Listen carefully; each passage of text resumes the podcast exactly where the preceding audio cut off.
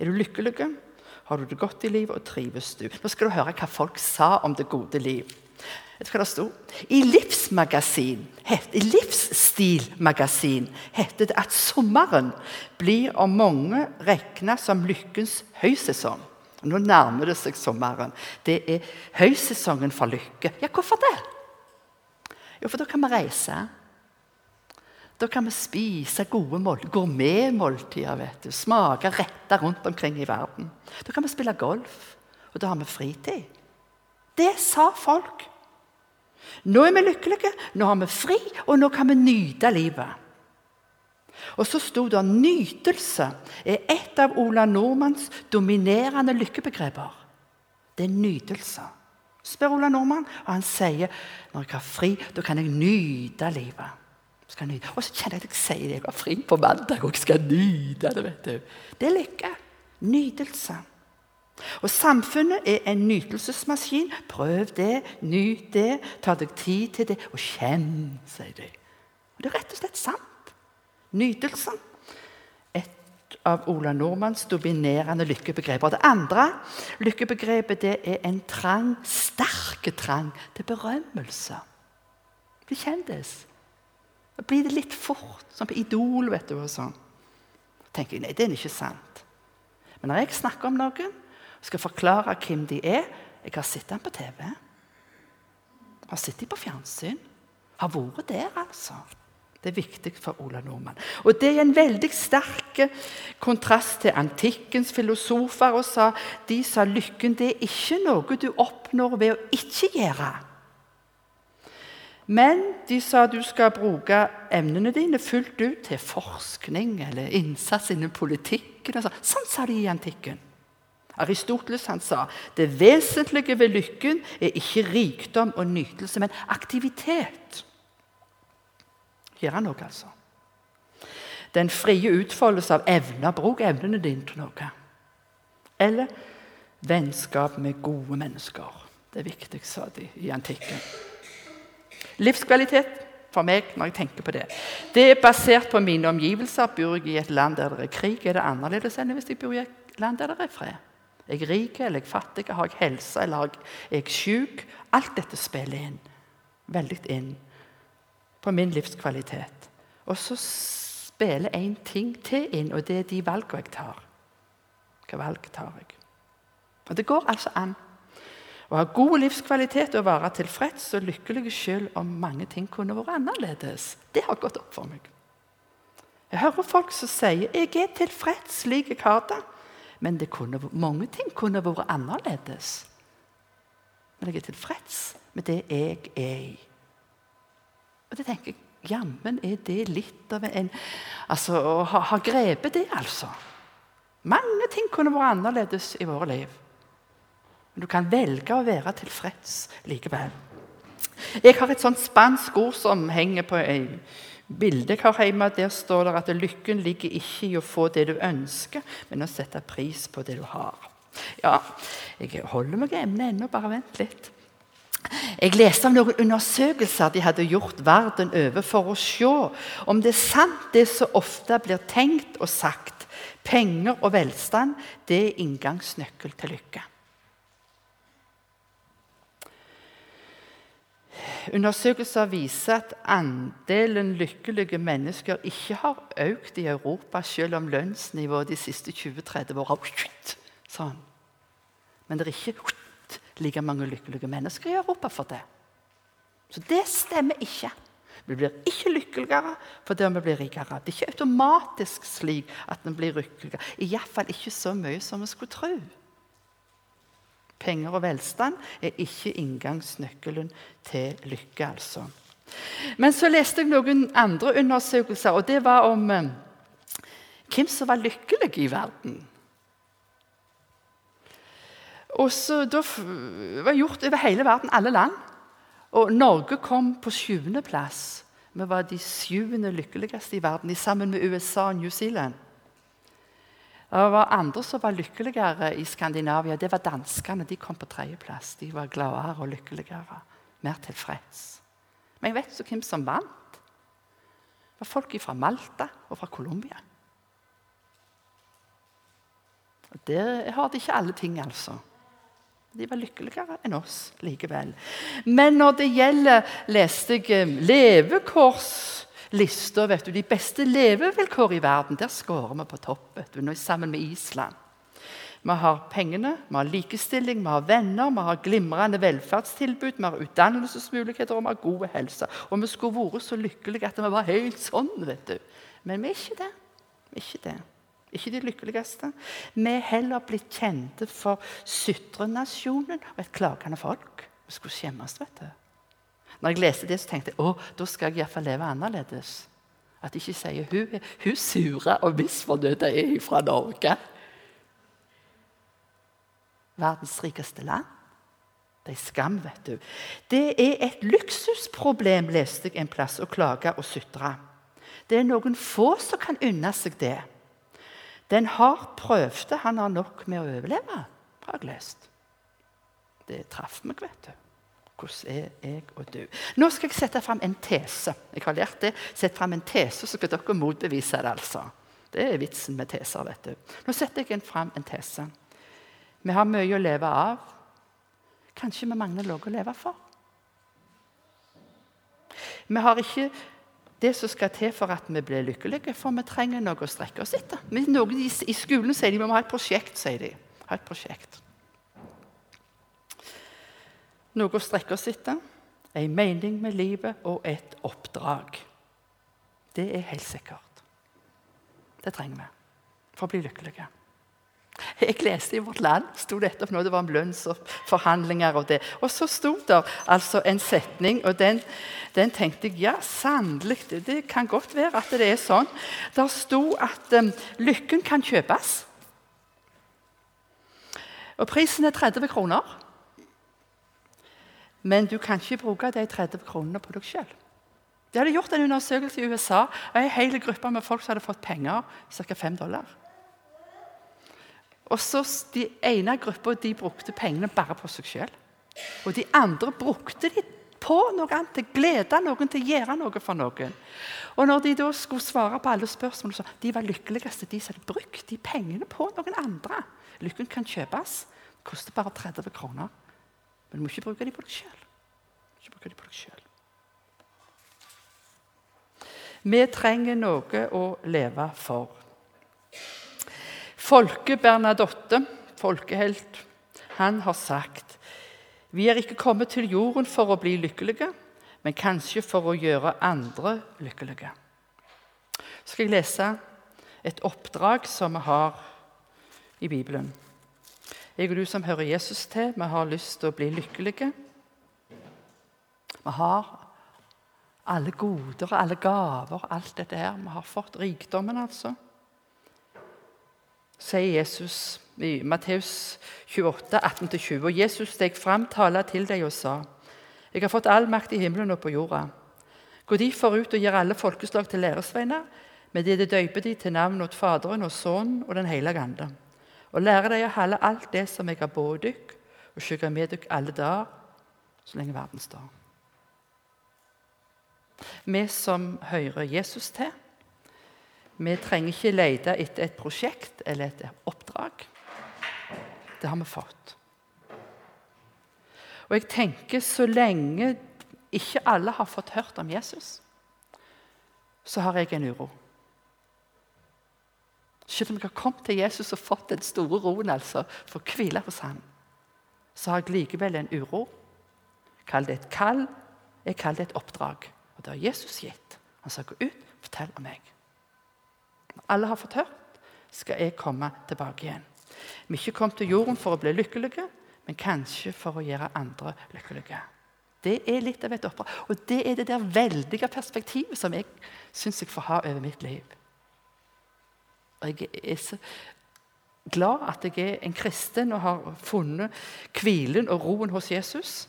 Og så kjenner jeg likevel at hele veien så lever jeg med en uro. Han ga meg et oppdrag. Ikke le for deg sjøl. Og han har gitt meg så mange gaver. Ikke det at jeg har så kolossalt med gaver, som dere ser, men jeg har fått så mange ting. Og så har jeg noen anlegg og noen gaver sånn, som han har gitt. Tenk, tenk at jeg kan bruke de. Han har bedt meg om det. Bruke de for andre mennesker. Jesus kan ikke springe rundt og hjelpe, altså, for han er usynlig iblant oss.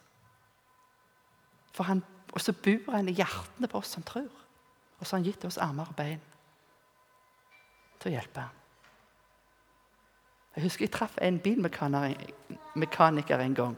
Og jeg ble så glad i den bilmekanikeren, for han fiksa bilen min. Jeg synes Det var så fantastisk. Hvis jeg gikk derifra og sa For en jobb du har, sa jeg. å få hjelpe folk med bilene. Så var jeg hos kiropraktor her for to år siden. Jeg hadde fått en kikk i ryggen. Jeg hadde flytta to bokhyller med bøkene i, vet du, så jeg kunne ikke vente noe annet. Så havna jeg hos kiropraktor. Og det knakk og det knakk. vet du. Det var helt forferdelig. Jeg kunne ikke gå da jeg kom inn. Etter noen dager så kunne jeg gå, altså. Så sa jeg til han du må være en av de lykkeligste folk på Madla, sa jeg, som kan hjelpe folk. vet du. Jeg driver ikke du òg på med det, sa han. Jo, sa jeg. Jo, jo. Det, det, det er der, altså. Vi har noen gaver, og vi har noen anlegg, og vi har lyst til noe. Og så har Gud bedt oss om å være hans armer og bein, tjene hverandre. Eh, jeg har fortalt noen ganger om da jeg ble en kristen. Mange år siden. 40 år siden. Var hjemme på Rennesøy. Og så eh, hadde, Det var vekkelsesmøter på bedehuset. Og jeg og ei venninne hadde bestemt oss for at vi ville bli kristne. og hadde, ja, snakket med yngreslederen vår. Og når vi kom på skolen neste dag, så visste jo hele klassen det at vi var blitt kristelige. som de sa. Og de satte et navn på oss. De sa 'Der kommer de salige', sa de. De kalte oss for de salige. Vi syntes det var pinlig og dumt, og jeg visste ikke hva salig betydde engang. Helt til vi i kristentrotimen, kristendomstimen som det heter da eh, leste saligprisningene. Salig er den, og salig er den, og salig er den. Og da sa de andre elevene de sitter der bak, sa de, og så pekte de på oss. Og Jeg husker jeg var oppe med hånda og sa til læreren hva betyr det å være salig. sa jeg. Han visste ikke helt hvordan han skulle forklare det. så han jeg skal se i ei ordbok, sa han. Han var ikke noen personlig kristen heller. denne mannen. Neste dag kom han med ei ordbok og slo opp og leste 'salig' og 'salighet'. Der står det, sa han, at det er den høyeste form for lykke. Du kan ikke bli lykkeligere, sa han. Er det du er når du er salig. Og så var det henvist til et vers fra Salme 32. Salig er den som har fått sine brudd tilgjevne og sin synd tildekt. Der satt vi, vet du. Så salige. Happy. Lykkelig. Du kan ikke bli lykkeligere. Så skrev vi i minnebøkene den største glede du kan ha, det er å gjøre andre glad. Og så leste vi hva Jesus sier. Det er saligere å gi enn å få. Det er saligere å gi, sier Jesus. Du blir lykkeligere av å gi, sier Jesus, enn av å få. Det er ikke et kall, det er ikke en utfordring. Og blir det ikke en uro for oss? Jeg vil jo bli lykkelig. Jeg har jo fått så masse av Jesus. Jeg har blitt frelst, tilgivelse av mine synder, framtidshåp og alle gaver alle, og folk vokser opp i dette landet. Så mange ting. Deler jeg det? Hva gjør jeg med det? Hva er det? Lykken kan kjøpes. Prisen er 30 kroner. Men du må ikke bruke det på deg sjøl.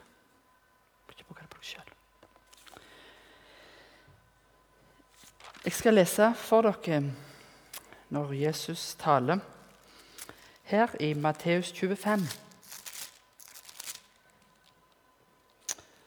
Ifra Jeg vet ikke hva vers jeg skal lese ifra. Fra vers 31. Men når menneskesonen kommer i sin herligdom og alle englene med han, da skal han sitte på herligdomstrona si, og alle folkeslag skal samles framfor han. Han skal skilje dem fra hverandre, liksom gjeteren skiller sauene for geitene. Han skal sette sauene ved høyre side si og geitene ved den venstre. Da skal kongen si til de attmed høyre side si, kom hit, det som er velsigna av Farmen, av det rike som er etterlatt dykk fra verden vårt grunnlagt. For jeg var sulten, og det ga meg mat. Jeg var tørst, og det ga meg å drikke. Jeg var framann, og det tok imot meg. Jeg var naken, og det kledde meg. Jeg var sjuk, og det så til meg. Jeg var i fengsel, og det kom til meg. Da skal de rettferdige svare han og si, Herre, når så vi deg sulten og ga deg mat, eller tørst og ga deg å drikke? Når så vi deg fremmed og tok imot deg, eller naken og gav deg klær? Når så vi deg sjuk eller i fengsel og kom til deg? Og Kongen skal svare og si til deg, sannelig sier jeg dykk, alt det gjorde mot en av disse minste brødrene mine, det gjorde det mot meg. Så skal han si til deg på venstre side, si, gå bort fra meg det bannstøtte til den evige elden som har etterlatt djevelen og englene hans. For jeg var sulten, og det ga meg ikke mat. Jeg var tørst, og det ga meg ikke å drikke. Jeg var fremmed, og det tok ikke imot meg. Jeg var naken, og det kledde meg ikke. Jeg var sjuk og i fengsel, og det så ikke til meg. Da skal de svare han deg òg og si, Herre, når så vi deg sulten eller tørst eller fremmed eller naken eller sjuk eller i fengsel og tjente deg ikke? Da skal han svare deg og si, sannelig sier jeg dykk, det de ikke gjorde mot en av disse minste, det har det heller ikke gjort mot meg. Og disse skal gå bort evig pine, men de rettferdige til evig liv.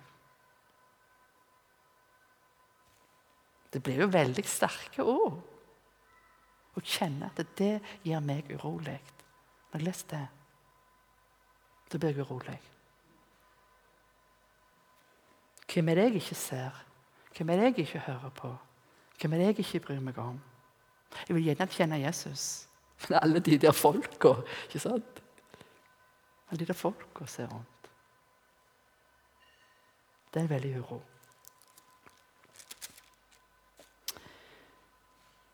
Så lenge det er noen som eh, mangler noe Og så lenge det er noen som har alt, men ikke Jesus, så burde jeg og du være urolige. Det hadde gått opp for meg. Og det er mitt kall. Det er mitt kall. Jeg skal avslutte snart, men et lite glimt fra misjonsmarka. Ikke fra Peru. Jeg har vært i Japan besøkte ei venninne som er misjonær der, og det var en opplevelse.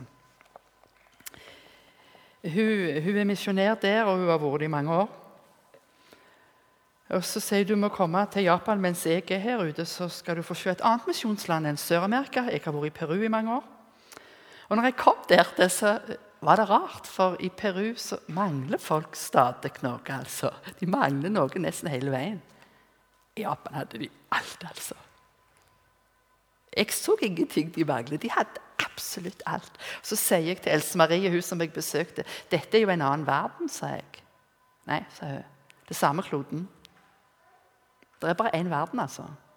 Og den er jeg og du setter inn i. En verden. En Gud. En vei. En sannhet, sier Jesus. Og så jeg kom en torsdag så sier å, på søndag sier da er du med på søndagsskolen. Og jeg tenkte å, det blir kjekt å komme på søndagsskolen. Alle disse japanske ungene som kommer sånn. kom ni stykk. Hun bor i Kåbe. Eller en bydel av Kåbe som heter Seishin. Jeg har vært kirka der i 50 år, tror jeg. snart. Ni unger på søndagsskolen. Da legger vi ned søndagsskolen i Norge. Kjem kommer ikke unger, sier vi. vet du. Hun var helt i hodet. Ni unger i dag. vet du. Til gudstjenesten timen etterpå så kom det elleve voksne. Jeg og hun og så ni til. Hun sa at det er ei dame her som jeg har møtt når jeg har vært i svømmebassenget. Og To damer hadde kommet i samtale med dere, og hun ene hadde sagt hun hadde lyst til å høre hva som sto i Bibelen. Hun var helt sånn Elleve stykker i dag, altså. Det gjorde inntrykk på henne. Og så møte alle misjonærene som sa vi er så glad for meg i Japan. Så glad vi i Japan. Fantastisk land. Mangla ingenting. Det var så rent og det var så flott og det var så organisert. Alt, altså. De hadde alt.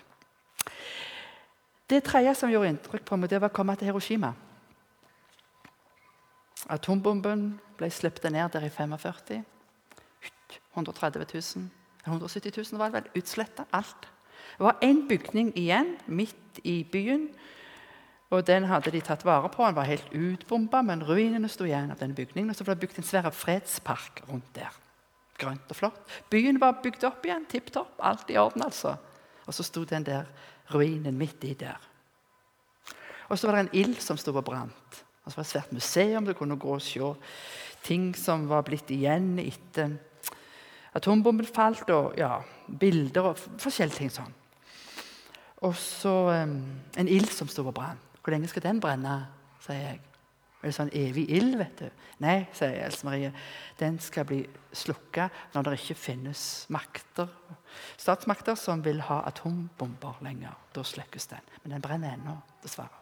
Så var det den tredje tingen som gjorde mest inntrykk på, meg. En statue sto der i den fredsparken av ei jente som sto oppå en svær stein.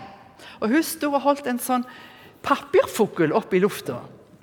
Så sier jeg til Else Marie hvorfor står den jenta her med den der papirfuglen? De er så utrolig til bretta ting i, i, Japan.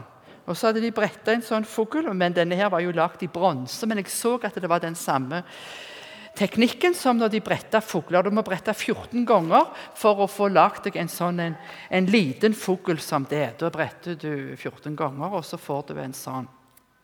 Denne jenta sto og holdt denne fuglen oppe i lufta. 'Hvem er det?' sier jeg til Else Marie. 'Vet du ikke hvem det er?' sa Det er Sadako. Jeg hadde aldri hørt om Sadako før. Jeg må kjøpe meg ei bok om Sadako, sa jeg. Så treiv jeg ei bok og kjøpte den. Så står hun på japansk. vet du. Så måtte jeg kjøpe ei til på engelsk. Og så begynner de bak. Jeg var helt forvirra. De begynner bak, og så blir de framover. Jeg leste historien om Sadako. Du skal få høre den kort fortalt. Ei ung jente født i 1943. Når atombomben falt, var hun to år. Hun overlevde. Bestemora ble drept, men foreldrene overlevde, og denne jenta. Og Hun var veldig flink til å springe, og hun vant mange konkurranser. 6. august var fredsdagen i Japan. Da var det alltid løp. Og sånt, og denne jenta vant stadig konkurranser. Veldig, veldig flink. Når hun var tolv år, så begynte hun å ramle når hun sprang. Og hun, Det fortelles at hun tenkte nå har jeg blitt syk og fått atombombesyke. og Det kalte de leukemi eller blodkreft. Og Hun tenkte jeg har fått det, jeg sier det ikke til noen. Men så gikk månedene, og stadig så ramla hun når hun sprang. Og Til slutt kunne hun ikke skjule det. Hun fortalte det til foreldrene. De tok henne med til sykehus og havna på sykehus og hadde fått blodkreft. 12 år gammel, eller 13 år gammel. Um, hun tenkte jeg kommer til å dø. Så kommer det ei venninne til henne. Og hun har med seg altså en liten papirfugl. Sånn en. Som var bretta til henne i gullpapir. Og så sier hun til henne jeg har tatt med deg noen papirfugler til deg her. Og så har jeg tatt med deg masse papir og ark. Og hun Sadako sier skal jeg, 'Hvorfor skal jeg det?' Så sier denne venninnen 'Husker du ikke eventyret vi har i Japan om trana?' Den er symbolet på langt liv. Og Etterpå har jeg lest mange eventyr og sagn fra Japan. og Der står ofte med traner. og Så ser du bilder og sånn, sånne klokkestrenger. og sånn, så det er ofte traner på det. Den er symbolet på langt liv. Og denne venninnen sier de sier at traner kan leve i tusen år. Hvis du nå klarer å brette tusen papirfugler? Kanskje gudene da hører bønnen din, så får du leve? Og denne Sadako begynner å brette på papirfugler 14 ganger for å få ei av disse her. Og hun bretta 100 år. Her er det 50. 200 år. 300 år. 400 år. 500 år. 637. Så død. Da sa skoleklassen vi bredte de som mangler, sånn at når hun ble begravd, så ble hun begravd med 1000 papirfugler. Så gikk det noen år, så sa folk at vi vil reise en statue over Sadako. For det var en veldig sterk historie, dette her. I 57, tror jeg. Så reiste de denne statuen, og så står det dette er vårt rop, dette er vår bønn, fred i verden. Og så står Sadako der med en fugl. Hvert år 6. august på fredsdagen så er det én skoleklasse i Japan som blir utplukka til å lage 1000 nye papirfugler så henger de det opp under den statuen. Det var et syn. Det var kiosker, og det var boder. Jeg vet ikke hva det var, og det hang titusener, altså, med papirfugler. Det var litt av et syn, og det var jo en veldig sterk historie. altså. Hvert år en ny klasse med tusen nye papirfugler. Henger de opp der. Når vi var der, så sier Else Marie til meg der finnes ikke en skoleunge i Japan som ikke har hørt om Sadako. Ingen. Så tenkte jeg sier jeg, jeg har lyst til å klatre oppå der. Jeg har lyst til å rope ut. Jeg kjenner en som sier den som tror på meg, skal leve selv om han dør. Alltid hører du en bønn. Jeg tror ikke brette en fugl engang. Så sier Else Marie til meg når jeg, det er derfor jeg er her, sa hun. Derfor jeg er her. Så lenge det er noen som ikke har hørt om Jesus, så burde jeg og du ha en uro. 130 millioner i Japan. Alle har hørt om Sadako. Mange har hørt om kristendommen som en religion, som jeg og du har hørt om buddhismen og shintoismen. Men de vet ikke at det er verdens frelser det dreier seg om. Det er vår uro. Det er for de som har alt, altså, de i Japan, men likevel ikke har hørt. Og så var det de i Peru som mangler så mange ting.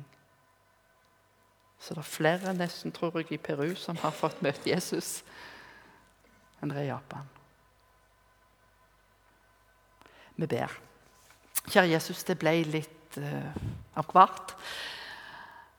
Men du minte meg om dette, Jesus, om denne uroen som du um, legger ned i oss når vi, når vi, leser ditt ord. Om at du har bedt oss om å dele av de goder vi har. At lykken ikke ligger i å ha, men å gi. Takker deg, Jesus, for at, det, at du, ditt kall om å komme inn til deg har blitt forkynt til oss, så vi har fått lov å komme opp på ditt fang finne roen, livsroen og hvilen hos deg. Så ber vi for de millioner i verden i dag. De rundt oss, naboene våre, vennene våre, slektningene våre. Mennesker rundt omkring som ikke kjenner deg, Jesus. Vi ber om å få lov å være med og peke på deg. Så ber vi om at du måtte finne oss trufaste når du kommer tilbake. At vi driver på med det som du har bedt oss om å gjøre. Vi ber Jesus om at ikke verden og alle de tingene måtte ta makt over sinnet vårt, sånn det reiv oss bort ifra deg. Bevar oss hos deg, Jesus. Det ber vi deg om. Amen.